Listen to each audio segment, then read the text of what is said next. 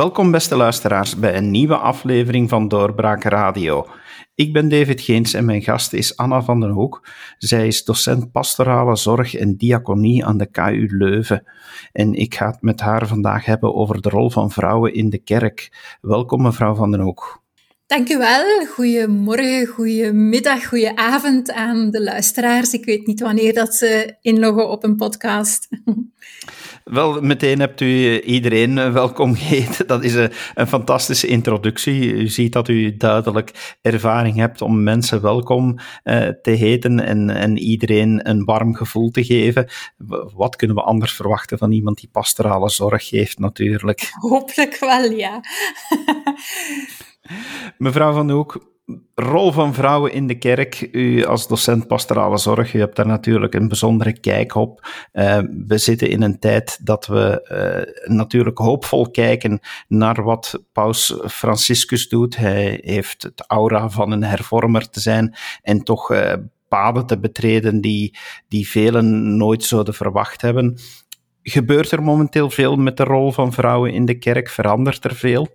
Wel, bij het antwoord op deze vraag zou ik graag een onderscheid willen maken tussen het niveau van de dagdagelijkse gelovige die uh, in het leven staat vanuit zijn of haar geloof en het, het leven van kerkgemeenschappen van alle dag. En dan het niveau van inderdaad de paus en de bisschoppen die beslissingen nemen, die in structuren zitten, die de kerk begeleiden of die leiderschap uitoefenen over uh, een heel aantal aspecten van het kerk zijn. En dan zien we dat er geen fundamentele grote veranderingen zijn op het beleidsvlak in de kerk. Dat is inderdaad zo. En u hebt gelijk als u zegt dat we naar Paus Franciscus kijken vanuit de, of de hoop van hervorming. We zien hem als een hervormer.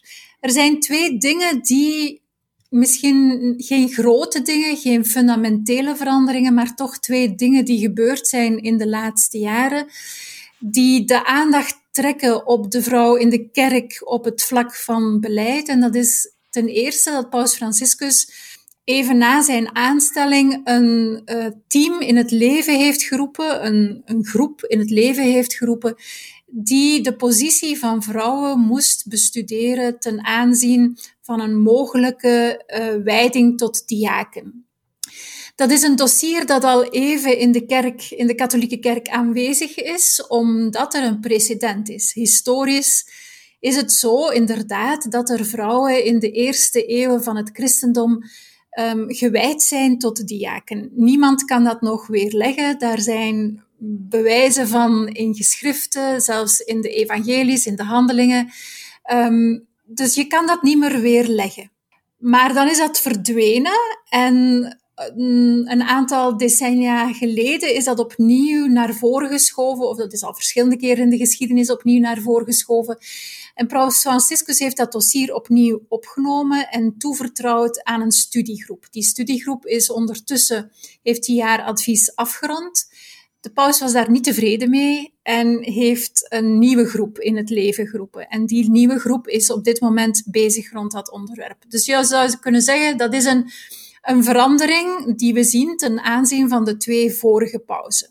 Zeker ten aanzien van Johannes Paulus II, die zei van er is geen discussie nu en ook nooit over de toelating van de vrouw tot het priesterschap, bijvoorbeeld. Dus die discussie is volgens Johannes Paulus II voor altijd en eeuwig gesloten geweest. Dus Paus Franciscus heeft niet over het priesterschap begonnen, maar is over het diaconaat begonnen voor vrouwen en daar dus een groep voor aangesteld. Dat is het eerste feit dat opmerkelijk is onder Paus Franciscus. Het tweede feit dat opmerkelijk is, is dat er een synode is geweest, de Amazone-synode genoemd, eh, eh, vorig jaar, die duidelijk naar voren brengt vanuit de praktijk in Zuid-Amerika, meer specifiek vanuit het Amazonegebied, van wij hebben vrouwen nodig in de plaatselijke kerken. De, de, ons gebied is zo groot, er zijn zo weinig priesters.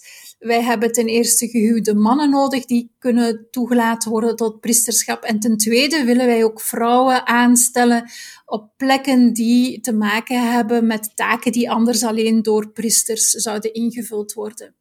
Paus Franciscus heeft dat gehoord, maar in de besluittekst heeft, dat uit, heeft hij dat uiteindelijk niet opgenomen. Hij heeft dat dus niet als een besluit weerhouden. Wellicht heeft dat te maken met het feit dat Franciscus iemand is die typisch voor een jezuïet, bedachtzaam, met heel veel onderscheiding, veranderingen wil teweegbrengen, daarbij rekening moet houden met een wereldkerk die in verschillende continenten heel anders denkt over de plaats van de vrouw in de samenleving, maar ook in de kerk. En rekening houdend met dat alles, denk ik dat hij eerder iemand is die op uh, glad ijs, wanneer hij zich op glad ijs bevindt op het vlak van de wereldkerk, zeer voorzichtig en degelijk te werk wil gaan. Dit tot teleurstelling natuurlijk van vrouwen, die hierop al heel lang zitten te wachten. Um, aan de andere kant is het natuurlijk ook beter dan dat er niets gebeurt. Dus dat is het vlak van het leiderschap. Maar als we kijken naar de praktijk van de kerkgemeenschappen, dan zien we dat er daar natuurlijk veel meer veranderd is dan um, op het niveau van het leiderschap. Op het vlak van de gewone gelovigen, neem nu in Vlaanderen, is er in de laatste dertig jaar een aardverschuiving gebeurd op het vlak van de plaats van de vrouw in de kerk. Als ik kijk naar de cijfers die beschikbaar zijn, officiële cijfers vanuit de katholieke kerk, wat betreft Vlaanderen, dan zien we dat op dit moment de helft van de betaalde functies in de kerk ingenomen wordt door vrouwen.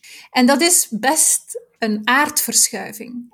Als je kijkt naar 30 jaar, 40 jaar geleden, was dat helemaal het geval niet. En daarop zou ik wel durven stellen dat de kerk op dat vlak verder staat dan de samenleving, waar de helft van de posities ingenomen wordt door vrouwen. Maar waar loopt de kerk natuurlijk achter op de samenleving, maar niet zo heel veel, tot mijn grote spijt, hè, is dat um, de beleid, de hoogste posities, en dan denk ik natuurlijk op het vlak van bisschoppen, um, uiteindelijke eindverantwoordelijke, dat daar het nog exclusief mannelijk blijft. En vrouwen zijn niet toegelaten tot het diaconaat, tot het priesterschap, um, kunnen geen bischop gewijd worden op dit moment.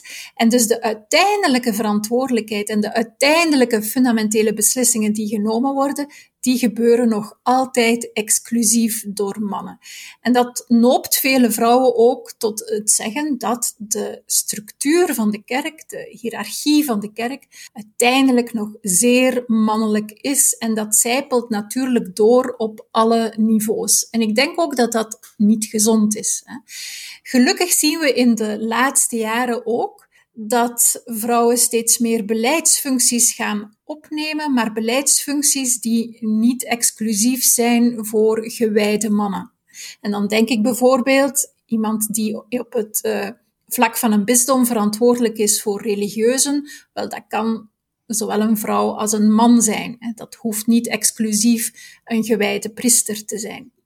Of voor catechese of voor, voor uh, uh, de zorgpastoraal zien we dat er vrouwen op het diocesaan vlak het leiderschap opnemen, maar nog altijd onder een bischopsraad, een bischopsconferentie, een bischop die uitsluitend voor mannelijke uh, gewijde priesters toegankelijk zijn.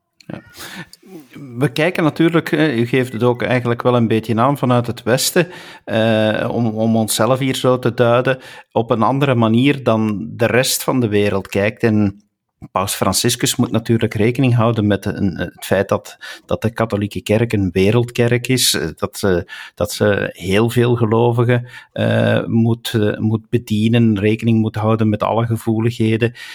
Is het misschien dat we, dat we hier vanuit het Westen dan, dan te veel verwachten, dat, of dat we dan misschien zelf te weinig rekening houden met het feit dat, uh, dat het uh, in andere delen van, van de wereld moeilijker ligt om, om vrouwen een, een grotere beleidsrol te geven of meer toegang te geven tot de wijdingen? Ik denk dat dat een heel goede opmerking is, inderdaad. Wij kijken natuurlijk naar de rol van de vrouw in de kerk en ook naar andere aspecten van kerk zijn met een louter westerse bril. En wanneer je in contact komt met gelovigen uit andere continenten, dan merk je, merk je dat zij kijken naar kerk zijn, natuurlijk met hun culturele achtergrond en hun culturele bril. En aan de faculteit voor theologie en religiewetenschappen in Leuven, waar ik lesgeef, hebben we een hele groep van internationale studenten. En in de lessen merk je dan inderdaad dat verschillende culturele perspectieven gegeven worden op één aspect van gelovig zijn of van kerk zijn. En dat is best uitdagend en soms ook sterk conflictueus uh, in dialoog, omdat je ja, is de ene mening meer waard dan de andere? Hè? Dus dat is een vraag die studenten uit andere culturen zich dan stellen van, ja, willen jullie ons opnieuw koloniseren vanuit jullie westers gedachtegoed? Hè, waarbij je zegt van zo moet kerk zijn, zo is het in het Westen en zo moet het dus overal in de wereld zijn. En ik denk dat het belangrijk is om daar een aantal dingen bij in het achterhoofd te houden. Het eerste is natuurlijk dat het grote concilie van de kerk, Vaticanum II in de jaren 60, precies dat probleem wilde aanpakken of die uitdaging wilde aanpakken. Want het is niet alleen een probleem, het is ook een verrijking. Het feit dat je een wereldkerk bent, zorgt niet alleen voor problemen, maar is ook een enorme verrijking. Um, Vaticanum II zei van misschien moeten we wel meer verantwoordelijkheid en ook beslissingsmacht geven aan lokale kerken. Dat wil zeggen dat voor bepaalde zaken de West-Europese kerk zelfstandig kan beslissingen nemen, de Latijns-Amerikaanse kerk zelfstandig kan beslissingen nemen, de Aziatische kerk zelfstandig kan beslissingen nemen, Afrikaanse kerk zelfstandig kan beslissingen nemen. En dat noemen we in de kerkgemeenschap een decentralisatie. Wel, dat is nooit helemaal tot uitvoering gebracht. Dus Vaticanum II was een, een, een voor de meeste katholieken een geweldig gebeuren, maar dat helaas voor een heel aantal aspecten een dode letter op papier is gebleven. En mocht men, ik denk dat dat echt de toekomst is van de kerk. Er is maar één manier om samen kerk te blijven, en dat is wanneer we samen onderscheiding, een onderscheidingsproces blijven gaan en blijven samenkomen en blijven uitwisselen, maar met grotere verantwoordelijkheden voor lokale culturen. En dan ga je krijgen dat bijvoorbeeld, ik zeg maar iets, in Afrika um, het priesterschap zou kunnen geopend worden voor gehuwde mannen. En in West-Europa het priesterschap zou kunnen geopend worden voor vrouwen in de kerk. En natuurlijk ook voor gehuwde mannen. Ik denk dat men in West-Europa voor, voor dat alles klaar is. Dus die decentralisatie, dat is één belangrijk aspect, denk ik, om met die spanning om te gaan, naast het blijven overleggen. Een tweede aspect is, denk ik, dat wij inderdaad niet over alles moeten zeggen dat de West-Europese of de Noord-Amerikaanse visie het beste is en het meest gewicht heeft in de wereld. Maar dat we in tegendeel moeten gaan kijken vanuit het principe van wat maakt ons als mensen nu beter? En ook als gemeenschap beter. En als dat wij kunnen bijvoorbeeld heel veel in dat aspect leren van de Afrikaanse kerk, waarbij vanuit de samenleving waarbij, waarin de Afrikaanse kerk zich bevindt, het doorgedreven individualisme van West-Europa heel sterk begrensd wordt door het Ubuntu-principe. Ik ben er omdat wij er zijn. Mijn bestaan is onlosmakelijk verbonden met dat van de anderen. En dat verliezen wij op dit moment in de West-Europese samenleving, maar ook in de West-Europese kerk, meer uit het oog, omdat wij in een zo sterk individualistisch gerichte samenleving leven. En we hebben dan ook moeilijk, bijvoorbeeld vandaag, met coronamaatregelen te respecteren omwille van anderen. We zitten We zetten onszelf en onze eigen noden en, noden en verlangens altijd op de eerste plaats. Dus ik denk dat we zeer sterk ons bewust moeten zijn van dat andere werelddelen ook wel wat waarheid in pacht hebben. Hè? Wij zijn niet de enige die kunnen aanspraak maken op waarheid. En daar is dat synodale proces, het gemeenschappelijk blijven onderscheiden van wat er belangrijk is, denk ik fundamenteel. En niet zomaar uitgaan van wij hebben één perspectief en dus dat moet overwinnen. Trouwens, wij merken toch wel als kerkgemeenschap hier in West-Europa dat onze stem steeds minder belang krijgt binnenin die universele kerk, omdat wij steeds minder in aantal worden.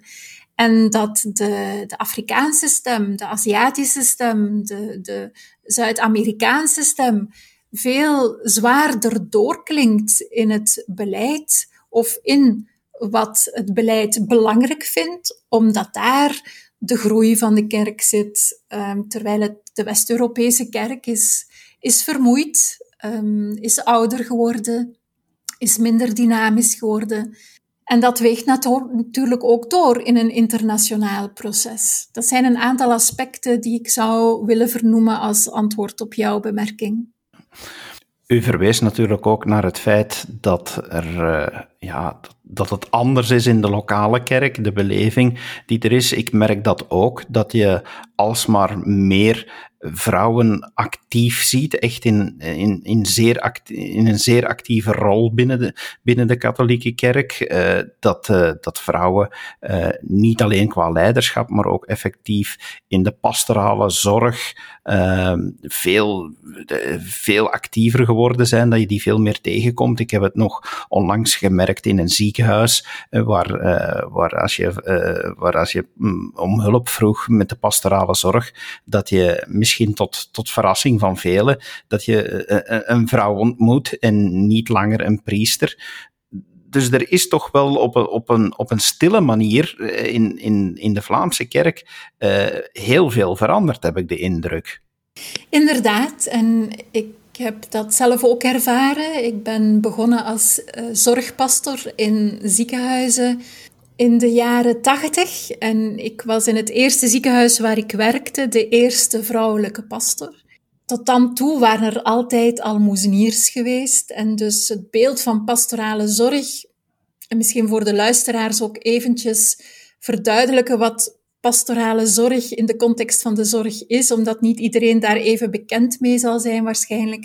Als je opgenomen wordt, en je krijgt een diagnose of, of je wordt geopereerd of je wordt behandeld, dan ben je weggetrokken uit je gewone leven. En zeker wanneer het gaat over ernstige aandoeningen, maar ook wanneer het gaat over andere aandoeningen, kun je blijven stilstaan van, ja, wat is mijn leven nu eigenlijk en hoe moet het nu verder met mij? Wat is mijn toekomst en is mijn toekomst beperkt? Um, zijn er allerlei dingen die mijn toekomstplannen gaan doorkruisen? Hoe moet het nu met de zorg voor mijn echtgenote? Of hoe uh, gaat het nu verder met mijn kind dat ziek is? En mensen stellen zich heel veel vragen rond het bestaan, wat wij zinvragen noemen, doen ook zinuitspraken, hebben vaak zinverlies. En zorgpastoren, spiritueel zorgverleners, want het kunnen ook mensen zijn uit andere religies of overtuigingen die dat werk uitoefenen in ziekenhuizen, in woonzorgcentra, in psychiatrieën, in voorzieningen voor mensen met een beperking. Eh, die zijn er om met jou dat gesprek aan te gaan op het moment dat die gedachten bij jou binnenkomen of waar, op momenten dat je daarmee bezig bent. Zij doen ook rituelen, uh, ze doen groepsgesprekken rond zinbeleving, rond geloven. Uh, er zijn veel verschillende aspecten aan het werk van zorgpastores, van spiritueel zorgverleners, onder andere ook zorg voor personeel. Wel, als ik toen begon als eerste vrouwelijke pastor in dat ziekenhuis, dan kreeg ik ook heel verraste uh, reacties van patiënten, van familieleden, ook van zorgverleners zelf. En ik moest elke keer ook opnieuw uitleggen en motiveren waarom ik dat werk deed. Ik had een roeping daartoe en ik wilde dat ook beleven. Maar het gaf ook enorm veel voordelen, omdat ik zo haak stond op de soms gegronde vooroordelen van mensen ten opzichte van de kerk, dat er veel mogelijk ook was. Mensen, en zeker ook bepaalde groepen van patiënten, vonden het makkelijker om iets toe te vertrouwen aan een vrouwelijke pastor dan aan een gewijde priester en omgekeerd. Dat was een mooie wisselwerking. Wel, vandaag de dag vind ik dat er zeker in het team waar ik het laatst gewerkt heb in de UZ Leuven, waar de meerderheid van de zorgpastoren nu vrouwelijk is, mensen kijken er nu veel minder van op. Um, vinden het eigenlijk gewoon dat een vrouw pastor is. Ik heb nog de tijd meegemaakt dat wanneer men in de Anglikaanse kerk besloot om vrouwen tot priester te wijden, dat mensen mij proficiat wensten, omdat ze het onderscheid niet konden maken tussen eh, de Anglikaanse kerk en de katholieke kerk. Voor veel mensen is dat één pot nat, hè, als er een beetje verder van staan. Dat was best wel frustrerend voor ons dan in die tijd. Um, ik heb ook nog meegemaakt dat, dat uh, mensen zeiden dat ze niet wisten hoe ze ons moesten situeren en ons moesten noemen. En dat ze zeiden van, uh, meneer Pastoor is hier, maar het is een meisje, hè, als het dan uh, voorstelde aan de patiënt. Dus we komen van een we hebben een hele weg daar afgelegd. We komen van ver. Maar ik denk dat het vandaag echt als gewoon wordt bevonden dat de pastor een vrouw is, of dat je die nu tegenkomt als je kind vormsel doet, of een eerste communie, of je wilt trouwen voor de kerk, of je moet iemand begraven in de kerk, of je bent in een ziekenhuis of een woonzorgcentrum en je ontmoet een zorgpastor. Mensen vinden het veel meer gewoon dan vroeger dat het een vrouw is. En in die zin is er een aardverschuiving gebeurd, maar op een heel stille, gewone, dagdagelijkse manier, zonder dat daar veel ruchtbaarheid aangegeven is, zonder dat daar met de grote trom op straat is gekomen, zonder betogingen. Maar het is gewoon gebeurd en mensen zijn het gewoon gaan vinden. En dat is denk ik in Vlaanderen de grootste verwezenlijking tot nu toe. Wat mogen vrouwen dan op dit moment doen? Tot, tot waar gaat het eigenlijk? Als, als we proberen te kijken, waar ligt de grens? Uh, die, die er nu getrokken wordt door het beleid, zal ik het maar noemen, uh, wat, wat een vrouw aan taken mag doen binnen de kerk uh, en, en wat nog effectief wordt voorbehouden voor diegenen die dan gewijd zijn en die dus per definitie man moeten zijn? Ja, dus de kerk trekt inderdaad, of het kerkelijk beleid trekt inderdaad een heel scherpe lijn tussen wat leken of niet-gewijden mogen doen en wat gewijden mogen doen. Nu, daar is ook wel in de laatste jaren wat meer ruimte voor gekomen. Men is ook tot het besef en het inzicht gekomen dat er best misschien wel meer dingen zijn die leken kunnen doen dan dat men dacht. Ik denk bijvoorbeeld aan het voorgaan in een begrafenis. Dat gebeurt nu ook heel veel door leken en niet alleen door priesters. Het gaat dan wel om een begrafenis zonder Eucharistie. En dan botsen we meteen op de grens die momenteel nog altijd scherp getrokken wordt. Hè. De, het toedienen van sacramenten behoort vooralsnog tot het uh, gewijde priesterschap en deels tot het diaconaat. Hè. Voor sommige sacramenten mogen uh, diakens ook ingezet worden. Met uitzondering van het sacrament van de doop. Ik heb ook heel vaak gedoopt in ziekenhuizen. Um, en het kerkelijk recht zegt daarbij, dopen mag door iedereen gebeuren in bijzondere omstandigheden. En bijzondere omstandigheden in een ziekenhuis zijn er heel vaak. Hè. Wanneer ouders vroegen om hun kindje te dopen vlak voor een grote operatie, of ze wilden nog heel graag dat hun kindje vlak voor het overleed en na de geboorte gedoopt werd. Dat zijn omstandigheden waar je als zorgpastor ook doopt en waar die grens niet zo strikt is um, als bij bijvoorbeeld de Eucharistie. Wij kunnen geen brood of wijn consacreren in een Eucharistie. Wij kunnen dus niet een Eucharistieviering voorgaan als vrouwen in de kerk. Trouwens, gehuwde mannen kunnen dat ook niet, hè, of ongewijde mannen kunnen dat ook niet. En dat is een ander aspect natuurlijk. Het gaat misschien niet alleen over vrouwen die zouden moeten toegelaten worden tot het ambt, maar ook gehuwde mannen. Um, dus in die zin is die lijn, ligt die nogal scherp op het gebied van sacramenten. Maar, Dat pleit ook voor de creativiteit, denk ik, van leken. Leken zijn dan, ook omwille van het feit dat er een priestertekort is, al decennia. Er zijn niet meer voldoende priesters om alle parochies te bedienen, laat staan om alle sacramenten uit te voeren in voorzieningen. Um, leken zijn dan gaan alternatieve rituelen initiëren. Geen sacramenten, maar rituelen. En zo zul je bijvoorbeeld in een, een uh, woonzorgcentrum of in een ziekenhuis, wanneer mensen palliatief zijn of terminaal en ze wensen um, wat men vroeger de berechting noemde, dan zul je een vrouwelijke pastor tegenkomen die een, um, een zegening uitvoert en geen sacrament geeft. Hm. Vandaar dat ik mijn bezorgdheid ook, omdat ik vind dat het sacrament van de ziekenzalving door het priestertekort dan uit de voorzieningen is verdwenen. Um, en leken doen alternatieve rituelen.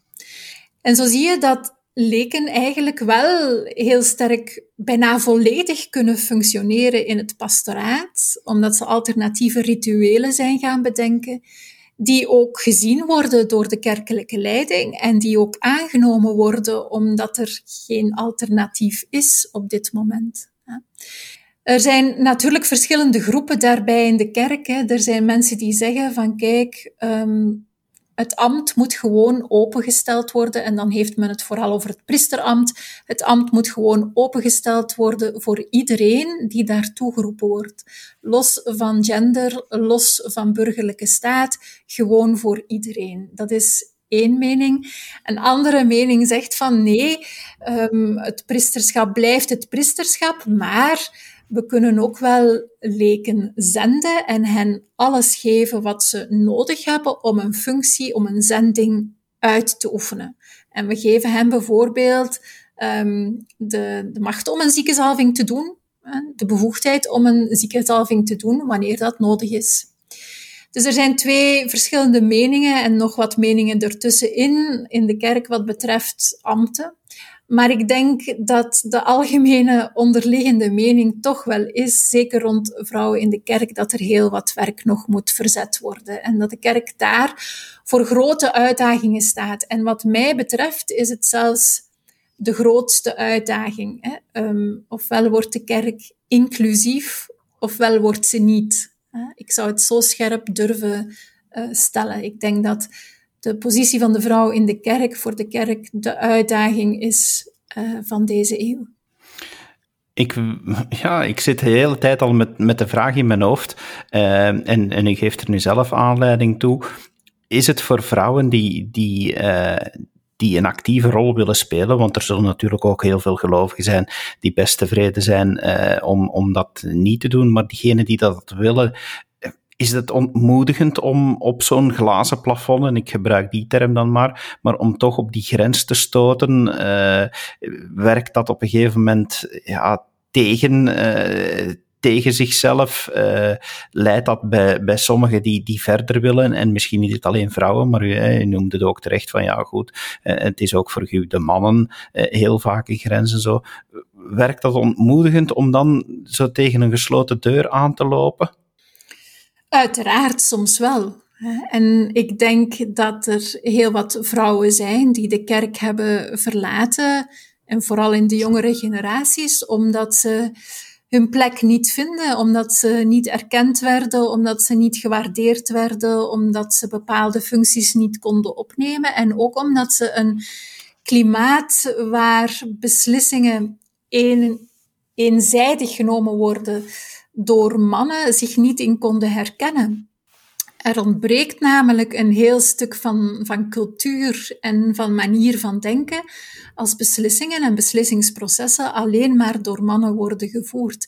En wanneer vrouwen zich niet kunnen herkennen, dan denk ik dat er heel wat vrouwen zijn die gezegd hebben, ik doe de deur achter mij dicht en ik, ik blijf wel geloven, maar dan buiten de kerk. Of uh, ik ga naar de Anglikaanse kerk of ik ga naar een protestantse kerk waar ik wel kan aangesteld worden of gewijd kan worden.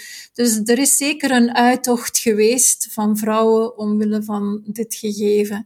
En dat is spijtig. Diegenen die gebleven zijn, die, en ik zeg dat met heel veel respect en waardering, die hebben allemaal hun eigen lijdensweg gehad.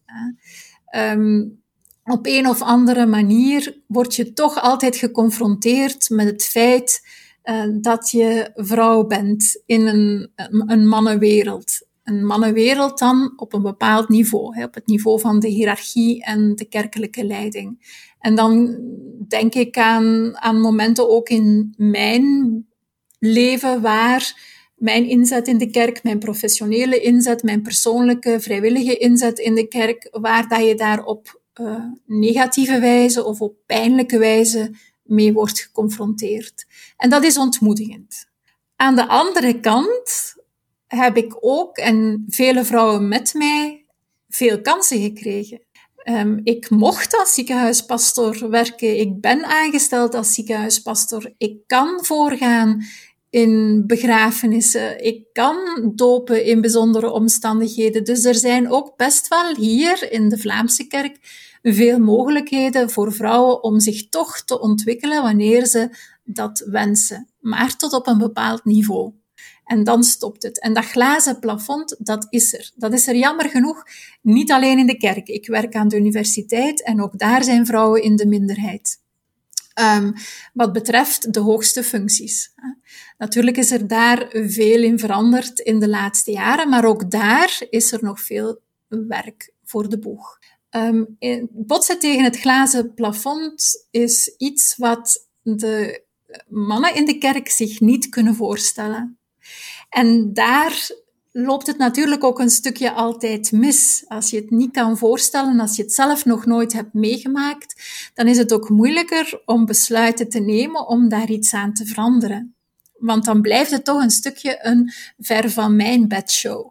Vandaar dat het belangrijk is om regelmatig onder de aandacht te brengen wat de plaats en de beleving is van vrouwen in de kerk. Vandaar ook ons opiniestuk op Paaszaterdag. Maar generaties van vrouwen voor ons hebben dat ook blijven doen. In de, in de recente geschiedenis bijvoorbeeld van het IPB, dat is de organisatie voor leken binnen de kerk in Vlaanderen, die in dialoog met de bisschoppen staat hebben de, zijn het ook vaak vrouwen geweest die het leiderschap daar opgenomen hebben. En die hebben altijd in de voorbije decennia de aandacht getrokken op de vrouw in de kerk. Ook op andere dingen, maar zeker ook op de vrouw in de kerk. Dus het blijft belangrijk om dat te zeggen, om daarover in dialoog te gaan, om daar rond in discussie over te gaan, omdat het anders blijft het ongehoord, ongezien, maar het gebeurt wel. Het gebeurt wel dat je ontmoedigd raakt. Het gebeurt ook dat je heel veel hoop hebt en dat die hoop levend gehouden wordt omwille van de kansen die je krijgt. Maar ik denk dat het van een, een fundamenteel belang is om het blijven op de agenda te zetten. En daarbij ook te leren van de andere kerken. Want bijvoorbeeld de Anglikaanse kerk is toch de kerk die heel dicht bij ons aansluit, hè, van de katholieke kerk zich afgescheiden heeft onder Hendrik VIII in uh, Engeland en een eigen kerk is gaan vormen en een aantal decennia geleden besloten heeft om vrouwen tot priester te wijden. we kunnen ook heel veel leren van wat er daar al gebeurd is en het zelf ook goed doen daardoor. Misschien de, de fouten van het begin dan overslaan. En in die zin is dat ook een zegen dat er een kerk is die zo dicht bij ons aanleunt, die die weg al een stuk is gegaan en die de volgende uitdaging ook heeft aangegaan, namelijk vrouwen dan tot bischop wijden. De volgende stap. Waar dat je dus een gemengd leiderschap krijgt. En ik denk dat dat uiteindelijk veel gezonder is, ook voor een kerkgemeenschap. Ik persoonlijk heb het heel sterk moeilijk met het argument, het achterliggend argument, waardoor op dit moment vrouwen niet kunnen gewijd worden, namelijk dat Christus alleen door mannen zou kunnen gerepresenteerd worden, aanwezig gesteld worden. Ik ik denk dat dat niet klopt. Ik denk dat Christus in elke gelovige aanwezig kan zijn en dat elke gelovige die daartoe geroepen wordt, ook op een officiële manier Christus kan vertegenwoordigen of aanwezig stellen. Het feit dat de leerlingen of de apostelen van Christus alleen maar mannen zijn geweest, is ook een bediscussieerbaar feit, namelijk het is een, een tijdsgebonden feit, één. En ten tweede uh, waren er best ook vrouwelijke leerlingen van Christus. Dus uh, er zijn heel wat dingen die in de discussie rond het priesterschap voor vrouwen um, naar boven komen, waar vrouwen een andere visie op kunnen hebben. Het is inderdaad een, eh, een, een, zeer grote uitdaging om, uh, om daarover na te denken. Ik uh, ben blij dat, uh, dat de stilte daar toch af en toe wordt over doorbroken, want zoals we al merkten tijdens ons gesprek, gebeurt dat toch alleszins hier in, in Vlaanderen vaak achter de schermen en religie krijgt sowieso weinig aandacht in de media, dus dat, dat, dat, dat draagt natuurlijk bij tot de, tot de stilte. Ik wil u heel hartelijk danken uh, om de tijd te nemen om die stilte hier te doorbreken, mevrouw Van der Hoek. Uh, dank u wel uh, voor uw moedige getuigenis ook. Graag gedaan. Ik hoop dat de luisteraars er iets aan hebben. Ik ben er zeker van dat er uh, velen zijn die, die even wat verder zullen nadenken uh, bij het horen van deze mening. Het blijft toch altijd belangrijk om stil te staan uh, bij sommige zaken die, die niet alledaags zijn. Dus beste luisteraar, ik hoop dat u toch even gaat nadenken over de stille revolutie die misschien al begonnen is in onze, in onze contraien binnen de katholieke kerk. hopelijk hebt u er wat van opgestoken en blijft u luisteren de volgende podcasts. Graag tot de volgende keer. Dag. Dit was een episode van Doorbraak Radio, de podcast van doorbraak.be. Volg onze podcast op doorbraak.be/radio of via Apple Podcasts, Overcast of Spotify. Bezoek ook onze website op doorbraak.be en steun ons door een vriend te worden van Doorbraak.